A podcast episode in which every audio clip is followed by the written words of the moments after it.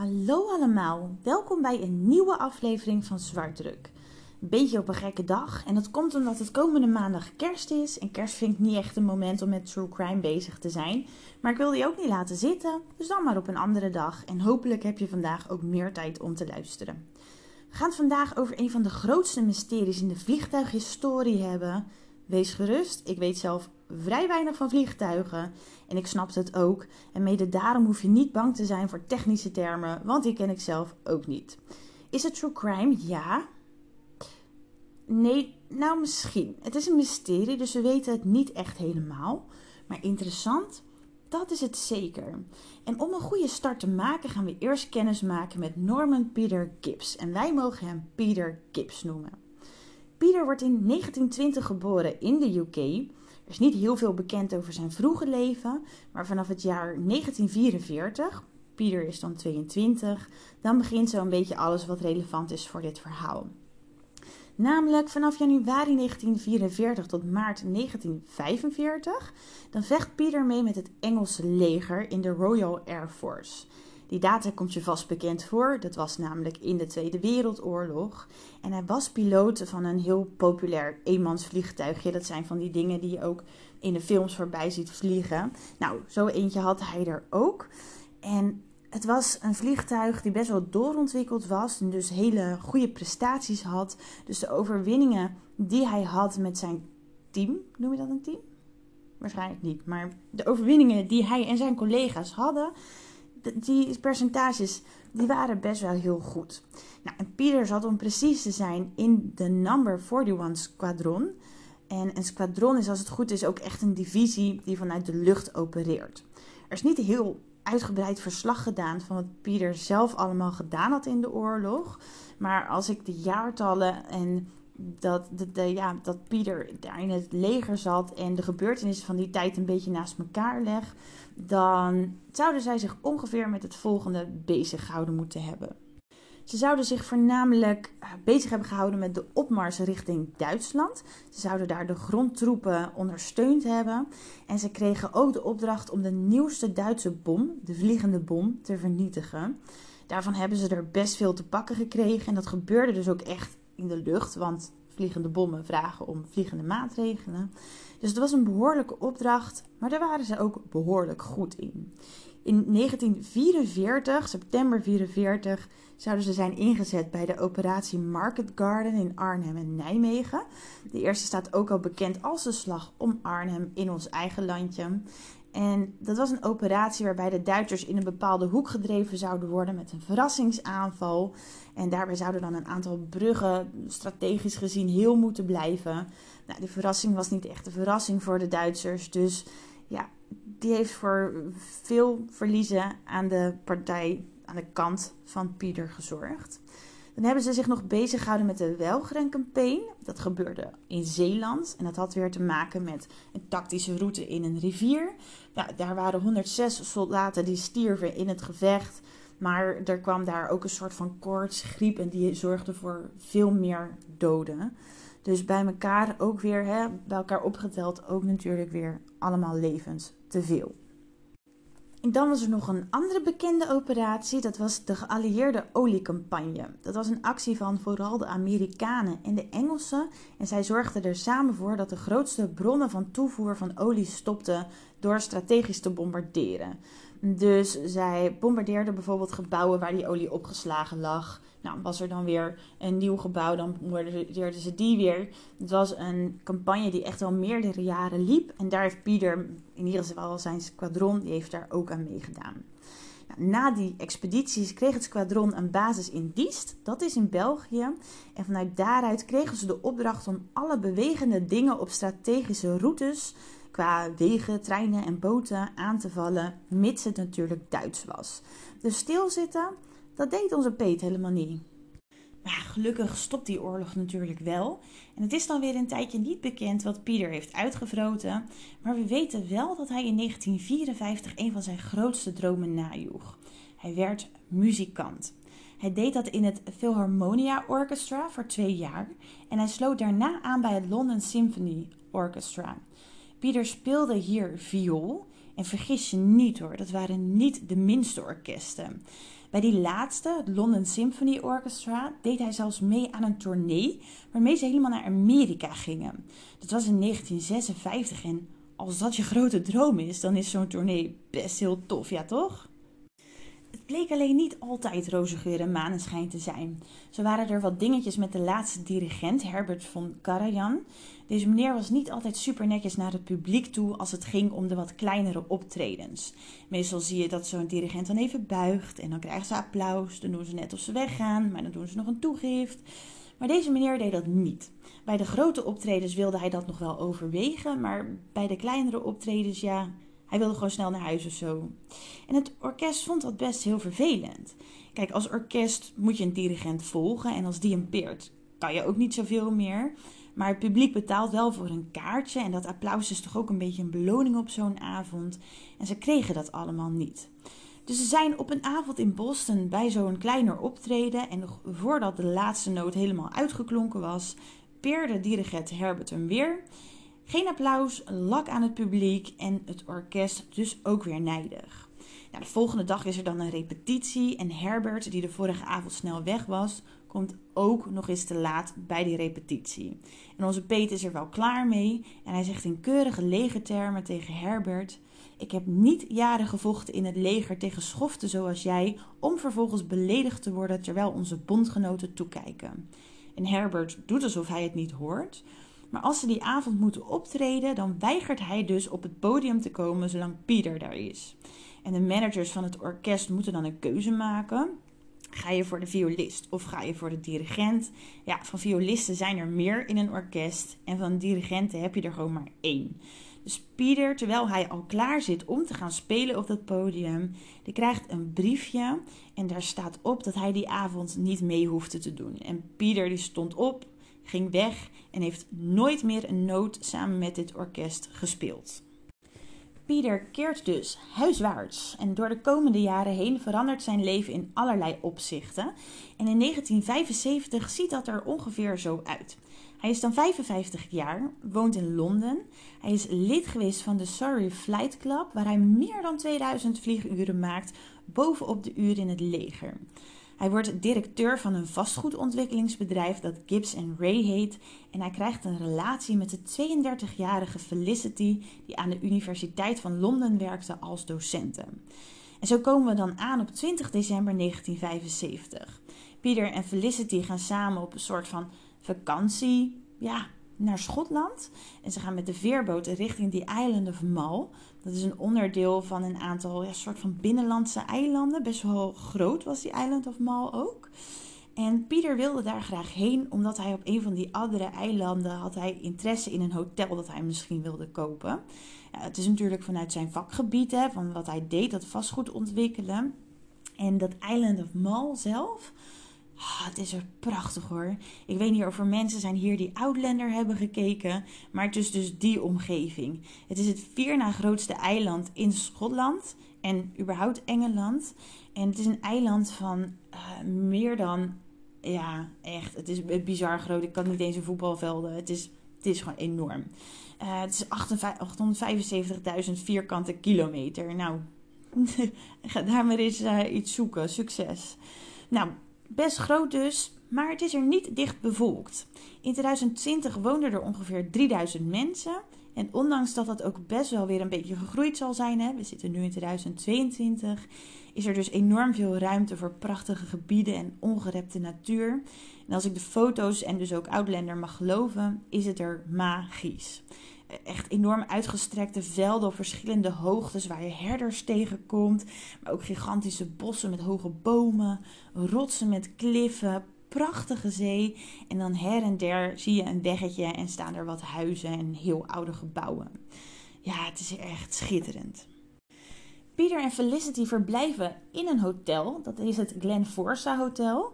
En dat lijkt niet op de Holiday Inns die wij hier kennen. Dat zijn de wat statigere gebouwen die best modern zijn. Maar dit Glenforsa Hotel is een behoorlijk groot gebouw.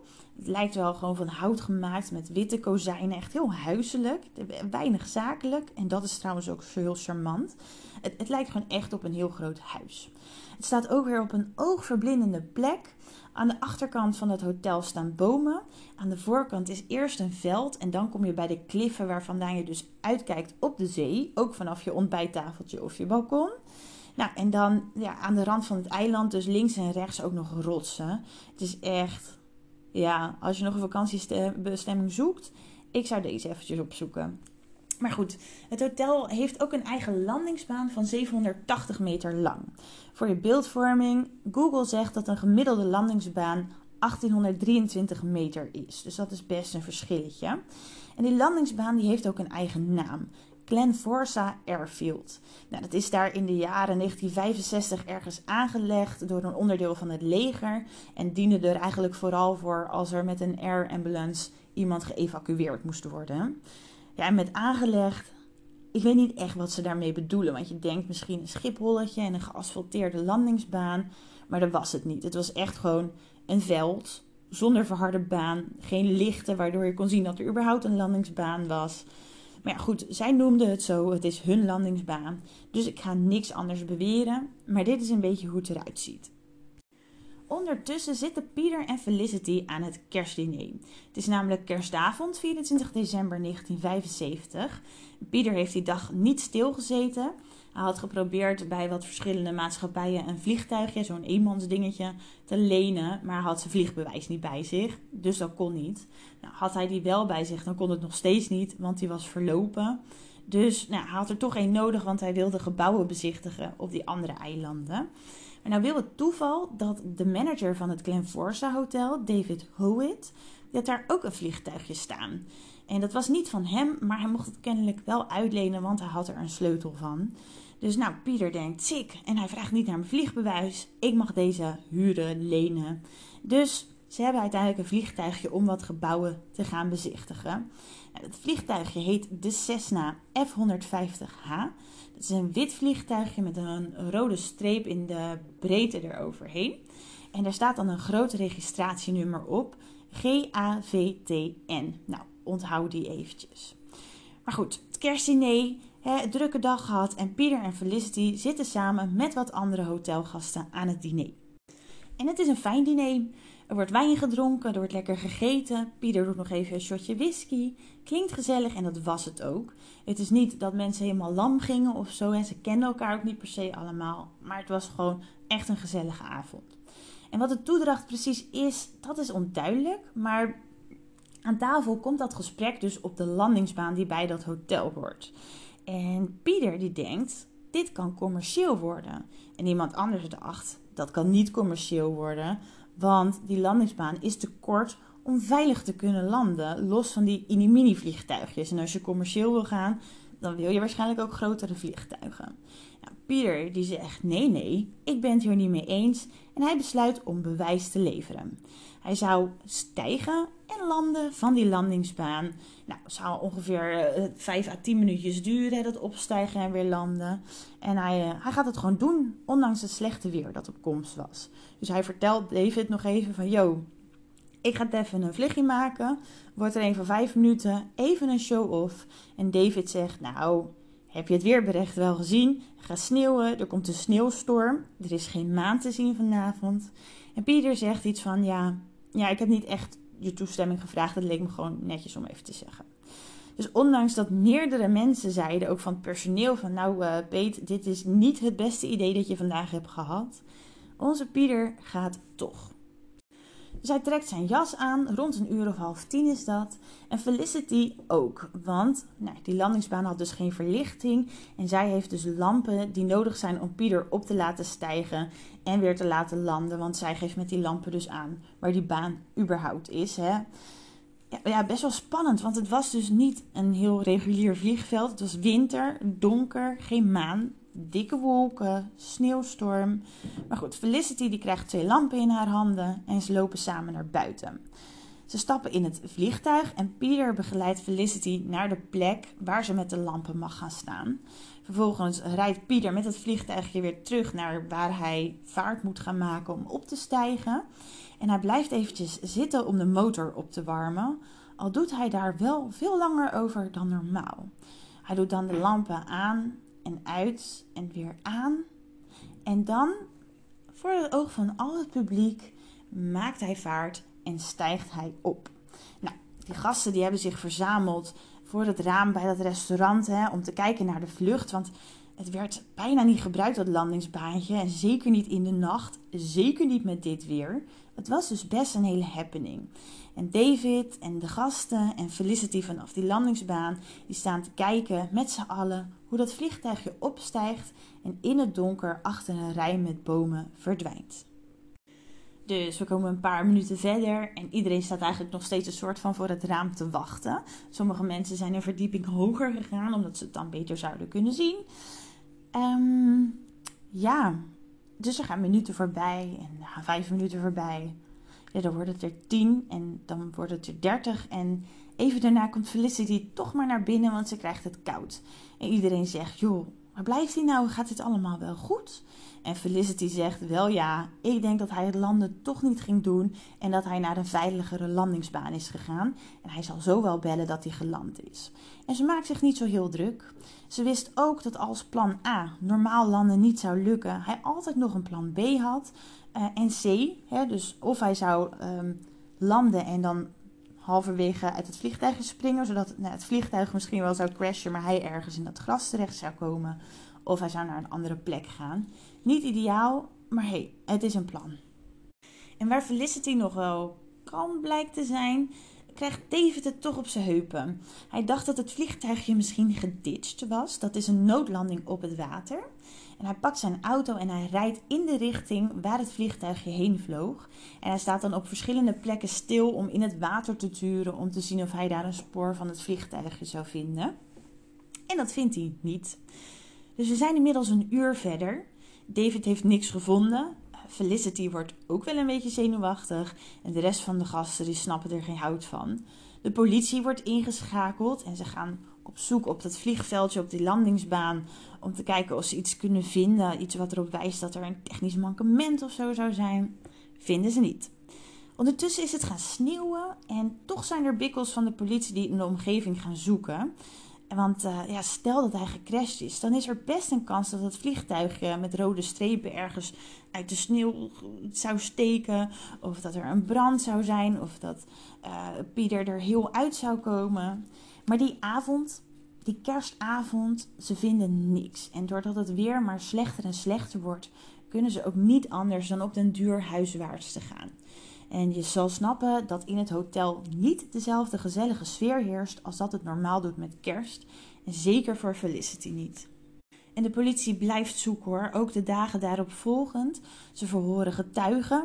Zo vertellen de, de, hotelgasten dat het enige rare wat ze hadden gezien was dat het leek of de twee lampen die Felicity vast had apart van elkaar bewogen. Dus dat het leek alsof er twee personen liepen. Maar Felicity die zweert echt van dat klopt niet, ik was daar alleen. En als de politie aan haar vraagt van hey, heb jij iets raars gezien? Dan vertelt ze dat Pieter wel langer stil stond dan hij normaal zou doen voor hij zou gaan opstijgen. Misschien toch technische problemen. David weet de politie nog te vertellen dat hij die avond heel even dacht een soort van SOS-signaaltje te zien, weet je wel, met zo'n noodpistool. Uh, en dat hij daarom dacht dat Pieter in het water terecht was gekomen en daarom was hij dus gaan zoeken. Maar goed, ze blijven aan de gang dus. Ze bedenken verschillende scenario's. Zo zou Pieter bijvoorbeeld een bepaalde bocht gemaakt kunnen hebben om rotsen of bomen te ontwijken. En als ze dan hè, dat helemaal hebben uitgemeten met de wind en dit en dat, dan gaan ze ook die gangen na. Ze schakelen het leger in met sonarapparatuur. Daarmee kun je onder water wrakken zien. Wordt niet gevonden. Ze vliegen over het eiland om te zien of ze een spoor van het vliegtuigje kunnen ontdekken. Of dat ze misschien ergens schade kunnen zien van een botsing of beschadigde bomen van een crash. Wordt niet gevonden. Er gaan groepen van 200 man op zoek over die uitgestrekte vlaktes op verschillende hoogtes tussen de rotsen. En ze zoeken net zo lang totdat ze tussen alle bomen het bos weer zien. Echt elke centimeter van het eiland wordt bekeken, maar er wordt niks gevonden. Ja, en Felicity die gaat op een duur maar naar huis om daar verdere berichten over de zoektochten af te wachten. Pieter zou op 1 januari 56 geworden zijn, maar die verjaardag wordt dit jaar niet gevierd. De sneeuw is gesmolten en we belanden in het voorjaar. Het is 21 april 76 als Donald McKinnon zijn beestjes gaat uitlaten. Noem je dat zo? Nou, hij gaat in ieder geval met zijn vee op pad. Hij is namelijk herder. En het kan gelukkig weer, want het was natuurlijk heel erg sneeuwerig. Maar goed, het is nu lente, dus hij kan gelukkig zijn dagelijkse loopjes weer doen. Doet hij ook alweer een tijdje. Hij komt dit jaar weer vaak op hetzelfde stukje natuur. Daar komt hij ook andere herders tegen, veel wandelaars. En hij loopt dan echt door die grote velden, die qua hoogte dus weer op en neer gaan, laag, hoog, vlak naast de zee. Het het is weer een idyllisch plaatje. En dat op maar anderhalve kilometer afstand van de bewoonde wereld vandaan. En meer specifiek maar anderhalve kilometer bij de Glenforsa Airfield vandaan. Maar die dag ziet hij meteen iets dat niet in dat plaatje thuis hoort. Hij kijkt eens eventjes en hij denkt, dit lijkt wel een lichaam wat daar ligt. Dus hij denkt, nou, ik ga toch maar eens even kijken. Misschien is het een gewond dier, want je verwacht niet dat het echt een lichaam is.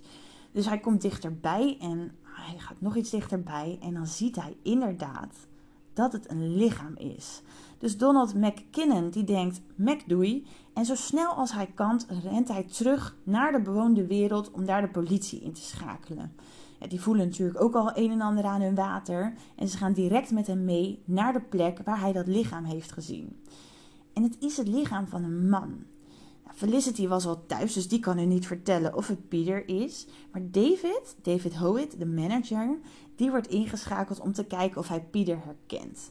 En dat doet hij inderdaad. Aan het lichaam, maar ook aan de schoenen van Peter. En het is Peter Gibbs.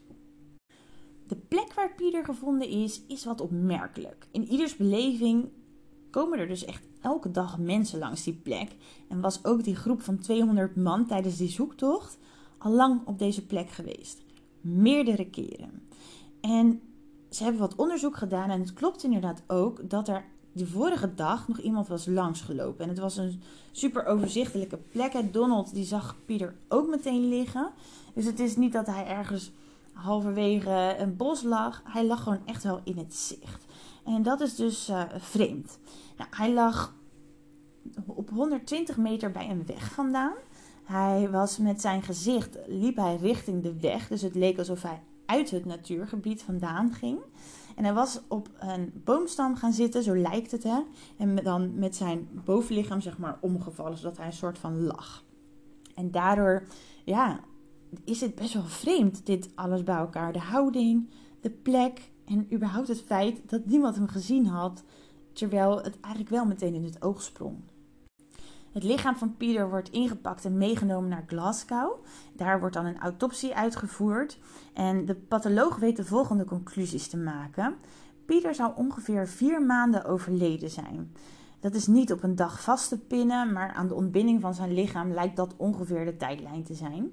Het is namelijk vooral zijn kleding die het lichaam nog samenhoudt. Die ontbinding is best wel ver al. De kleding is trouwens echt helemaal intact, 0,0 beschadigd. En ook is het lichaam verder niet per se beschadigd. Dus het is niet dat ze zien dat hij een schotwond heeft of dat hij een gebroken been heeft. Integendeel, op een snee op zijn been van 7 centimeter na wordt er verder niks gevonden wat een doodsoorzaak zou kunnen zijn. Er worden geen tekenen gevonden van zout water, niet van bevriezing, niet op Pieter en niet op zijn kleding. Er wordt geen alcohol bij Pieter gevonden, ook niet in zijn bloed, ook niet op zijn kleding. En ja, als de patholoog dan een doodsoorzaak zou moeten geven, dan is dat er eentje die luidt blootstelling aan het weer.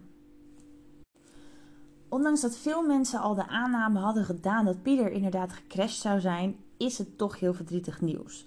Felicity laat niet heel veel van zich horen, ze is verdrietig, maar los van de informatie die ze al heeft gegeven over Pieter, ja, ze kan niet verder helpen. Ze was er ook niet bij en ze wacht al het nieuws gewoon liever thuis af in een vertrouwde omgeving. Nou, geeft er dus ongelijk. De politie die grijpt de fonds wel echt aan als aanwijzing voor in welke richting ze zouden moeten zoeken. En opnieuw worden er weer van die zoekacties gestart. Ze zijn echt goed bezig. Ze besparen kosten nog moeite. Ze trekken alles uit de kast om maar iets te vinden. Er zijn duikers die in de omliggende wateren gaan zoeken. Ze gaan de bossen weer in. Ze kijken naar alles wat duidt op een crash.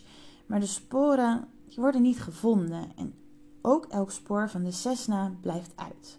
Ja, en ik zei het al, ze keren echt elke steen om. Maar als er niets wordt gevonden, dan, ja, dan zwakt die zoektocht toch een beetje af. Die wordt langzaamaan kleiner en kleiner. En het duurt dan ook maar liefst 10 jaar voordat er weer nieuws komt rondom de dood van Pieter. En dat betekent dus dat we aankomen in september 1986. Er zijn dan twee broers aan het duiken naar scallops. John en Richard heten die broers. En scallops zijn een soort van oesters die ook wel potato cakes worden genoemd. Ik vind dat een hele fijne naam. Nou, zij doen dat in de zee van Oben, zo'n 40 kilometer ver van waar Pieter zijn lichaam is gevonden.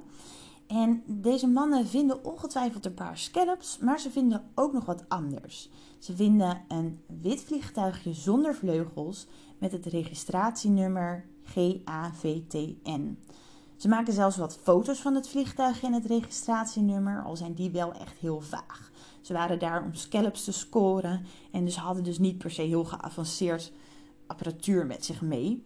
Maar ze gaan er wel mee naar de politie en de politie die gaat op onderzoek uit, maar ze kunnen het vliegtuigje niet vinden. En omdat het registratienummer op die foto's ook niet te zien is en ze dus alleen het woord van de broers hebben, kunnen ze niet officieel vaststellen dat dit de Cessna was. Dat leek heel even hoopgevend, maar leidde tot niets uiteindelijk. En de jaren daarop ook weer weinig nieuws hoor. Het duurt heel lang voordat er weer wat nieuws komt, maar het komt.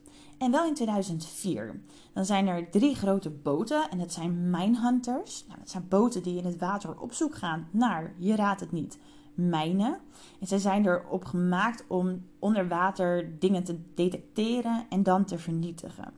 Nou, en die drie enorme boten die ook in de Sea of Oben varen, overigens wel 300 meter bij de kust van Mul vandaan. Dus dat is hè, nogal een verschil met waar de broers aan het, uh, aan het vissen waren. Nou, daar varen zij en ze detecteren in het water iets. Dus zij hangen een onderwatercamera overboord het water in en zij zien dat het een klein vliegtuigje is waar nog maar één vleugel aan zit. Er zit een gat in de voorruit en de deuren zijn op slot van binnenuit. Motor en het landingsstelsel zijn niet meer te zien en dus waarschijnlijk zitten die niet meer aan het vliegtuig vast. Ze hebben goed en lang gekeken, maar ze kunnen niet echt ontdekken hoe het vliegtuigje daar gekomen is. Het is niet dat er ergens brandplekken te zien zijn die erop kunnen duiden dat er iets ontploft is. Nee, dus um, ja, zij maken daar natuurlijk ook een melding van. Er is geen registratienummer te zien op het vliegtuigje, maar het ligt er ook al eventjes. Dus het zou kunnen dat dit de Cessna was. Want het, was wel, het lag wel echt maar 300 ja, meter ook bij die kust vandaan. Dus dicht bij het lichaam van Pieter. Maar ja, geen registratienummer. Dus vaststellen kan de politie het niet. Nou, dan is het nog steeds niet het laatste wat we horen van het vliegtuigje. Want vorig jaar, in 2021, staat er iemand met een scallop baggermachine, wat het ook is, te werken op een van de stranden in Mul en die ziet wat op het strand liggen. Het zijn wielen, een propeller en iets wat lijkt op onderdelen van de buitenkant van een vliegtuigje. Deze, ja, ja potato baggeraar, ik weet niet precies, die brengt de onderdelen naar de eigenaar van het hotel om eens te kijken van, hé, hey, herken jij dit? Maar daar liggen ze tot op de dag van vandaag eigenlijk nog steeds. En met hoe actief de politie is, geloof ik wel dat ze zijn gaan kijken, maar dat er gewoon niet iets uit is gekomen. Dus in principe tot op de dag van vandaag nooit bevestigd dat het vliegtuigje gevonden is. Als je deze aflevering nou met een half oor zit te luisteren, dan zou het kunnen zijn dat je denkt: uh, ja, dat vliegtuigje is maar een paar honderd meter bij hem vandaan gevonden. Logisch, er was een crash. Hij was uit het water gegaan en hij is overleden alsnog. Betrapt. Je bent af. Ga terug naar start luister opnieuw met twee oren. Als je met aandacht hebt geluisterd, dan kun je je misschien voorstellen dat deze hele situatie best wel wat vragen oproept. Want waarom een crash in het water niet zou kunnen? Er waren geen tekenen van zout op Pieter of zijn kleding gevonden. En dat betekent in feite dat hij niet in aanraking met het water geweest zou zijn. En ja, hoe is hij dan op het land gekomen? En we zeggen het vaker, waar geen oplossing is, daar is ruimte voor theorieën. En zo zeker ook in deze zaak van Pieter. En voordat we aan de theorieën gaan beginnen, zet ik nog eventjes wat feiten op een rijtje. Als eerste met betrekking tot de vindplaats. Een plek waar best wel veel volk te vinden is, dagelijks, vlakbij het hotel, anderhalve kilometer. Er is door grote groepen mensen gezocht en ineens was daar toch het lichaam van Pieter daar. En dan kun je denken, ja oké, maar misschien heeft iedereen daar zitten slapen of zo. Ja, ja, dat kan, maar toch is de kans heel klein dat hij daar heel lang gelegen heeft. Los van het ontbinden was zijn lichaam intact. En met de wilde dieren die er rondlopen, is het niet aannemelijk dat zijn lichaam zo ongeschonden is na vier maanden op die boomstam. Het is niet dat je er leeuwen hebt of zo, maar dat hoeft ook niet. Hè? Je hebt natuurlijk ratten, die kunnen ook leven van kadavers. Bepaalde vogels en vosjes zullen er ook niet zomaar omheen lopen. Dus dat is raar. Nou, die vindplaats die was anderhalve kilometer bij het hotel vandaan. Het kan natuurlijk dat Pieter de weg niet kon vinden door de sneeuw. Of misschien was hij, had hij een grote tik tegen zijn hoofd gehad.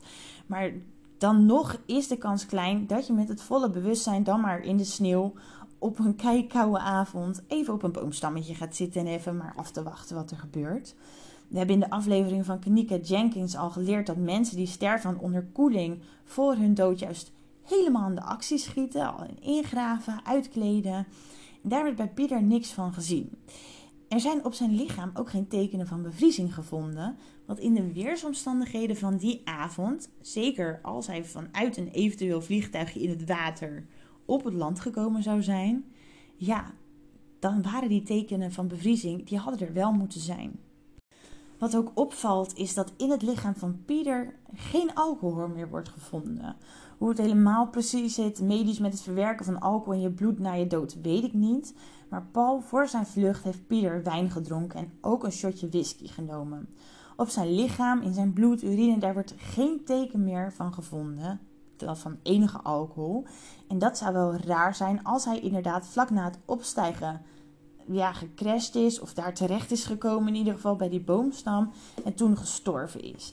Dan zouden, er zouden namelijk nog wel tekenen van gevonden moeten zijn. Want in bepaalde delen van je lichaam kan alcohol nog tot 72 uur aangetroffen worden en in je haar nog na 90 uur. Dus ook als hij nog een dag ergens heeft lopen ronddwalen en dan pas overleden zou zijn, ook dan hadden ze die alcohol waarschijnlijk nog wel moeten aantreffen. En dat doen ze dus niet.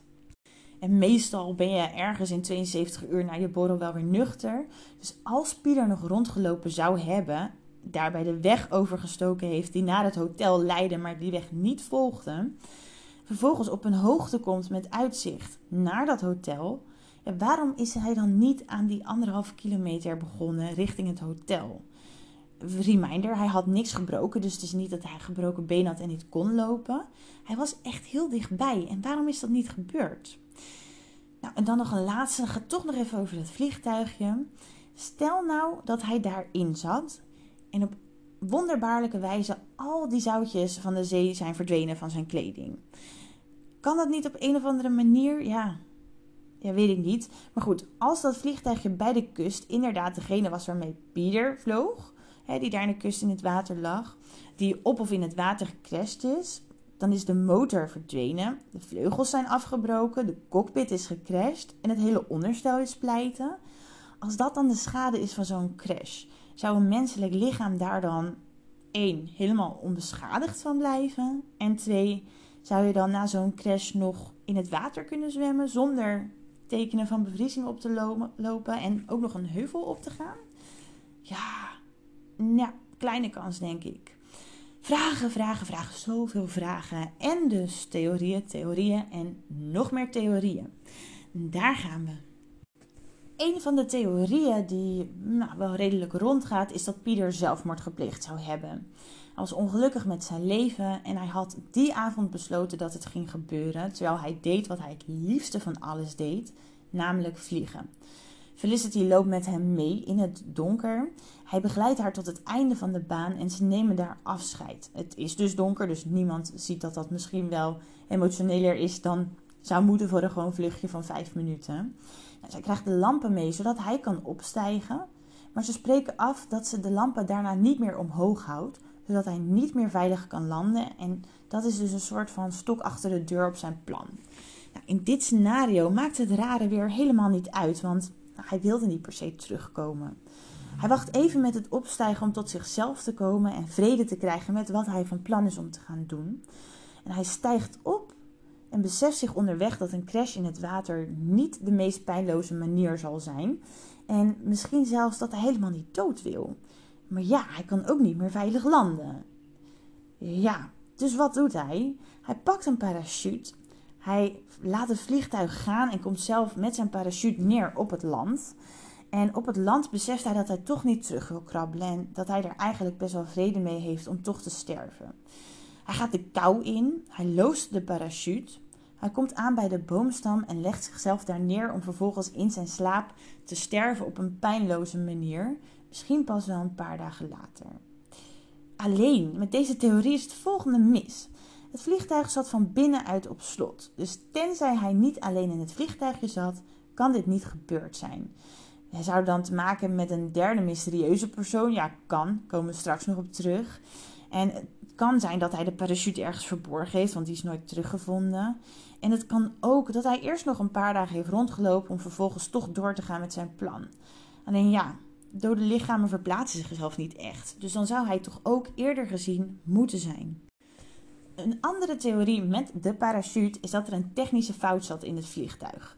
Pieter kwam in de lucht in de problemen. Nou, hij is vertrokken met zijn parachute, heeft deze verstopt ergens en is in plaats van hulp te gaan zoeken bij het hotel of bij de weg, is hij even gaan zitten om bij te komen en toen gestorven omdat het gewoon echt heel koud was. Ja, en dit kan eigenlijk precies niet om dezelfde reden als die ik net noemde. Dus ook deze theorie kan in de prullenbak. Bij de volgende theorie komen we dan dus verder op een eventuele derde persoon. Een aantal gasten hadden aangegeven dat ze de lampen die Felicity vast zou hebben gehad bij het opstijgen, dat ze die apart van elkaar hadden zien bewegen.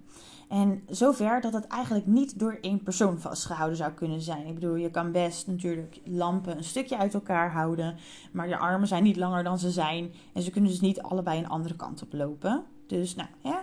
Dus misschien was er nog een derde persoon die afscheid wilde nemen en dat zou de lampen verklaren. Maar dat zou natuurlijk niet de, hele mysterie verklaren. Want ja, als die persoon op de landingsbaan stond, dan zat hij niet in het vliegtuigje bij Peter en die zou dus ook niet verder kunnen helpen. Maar het kan natuurlijk ook zo zijn dat een eventuele derde persoon in het vliegtuig had gezeten. Dat kan ook zonder medeweten van Felicity geweest zijn. Een vliegtuig waarvan de motor aanstaat maakt herrie. Dus het kan ook zijn dat Felicity niks heeft meegekregen, maar dat er in het vliegtuig misschien wel ja, een gevecht zou zijn. Dat er iets aan de hand zou zijn wat Felicity dus niet, niet door had. Ehm, en er zijn verschillende theorieën over wie er dan aan boord zou zitten. Zo zou Pieter betrokken zijn bij een wapenhandel en een levering te laten hebben gedaan, waardoor zijn niet zo vriendelijke collega's dachten aan verraad en ze hebben hem aangepakt. Ze zouden dan even gewacht hebben met het dumpen van zijn lichaam. Maar ja, waarom dump je een lichaam dan zo dichtbij en het kan op zoveel makkelijkere manieren. Het is, uh, ja, waarom zou je het dan vlak bij de plek laten crashen waar zo hard gezocht wordt? Dat is, er zit niet super veel logica in. Dus het is, ja, als je een hele oceaan voor je hebt, waarom zou je dat dan op die manier doen? Maar goed, hè, het, is een theorie. Wat er wel ook mis is aan deze theorie, is dat het lichaam van Pieter geen tekenen van de worsteling of gevecht vertoonde. Dus die hè, ja, misschien is hij ergens mee gedrogeerd of zo. Met zo'n spul onder zijn neus dat hij buiten bewustzijn raakte. Maar uh, het staat niet als een paal boven water, deze theorie. Dan is er nog de theorie dat Pieter uit zijn leven wilde verdwijnen en elders opnieuw wilde beginnen.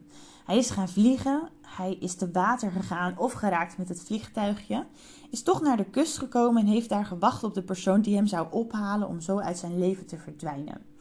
Maar ja, bij een vermissing zullen mensen altijd blijven zoeken. Dus Pieter zou met deze persoon de afspraak gemaakt hebben dat deze persoon zijn leven voor hem zou geven. Ze hebben van kleding gewisseld en deze persoon is op de boomstam gaan zitten en gestorven zodat Pieter een nieuw leven kon hebben. Ja, ik weet niet of ik het nog uit moet leggen, maar dat was wel echt een vet slechte deal voor deze persoon.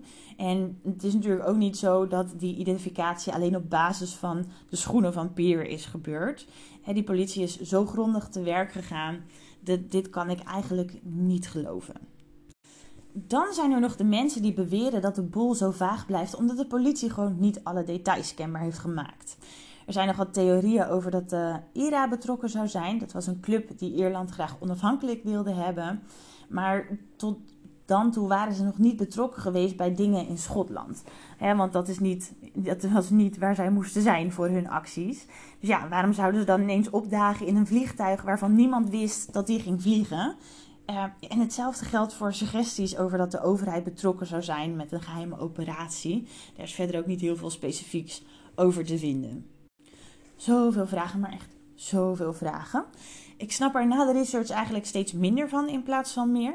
Het is zo'n vreemde situatie. En als ik echt zou moeten kiezen, dan neig ik er maar gewoon naar om te geloven dat de wetenschap ons heeft laten zitten. En dat door extreme kou dat zout is opgelost of zo.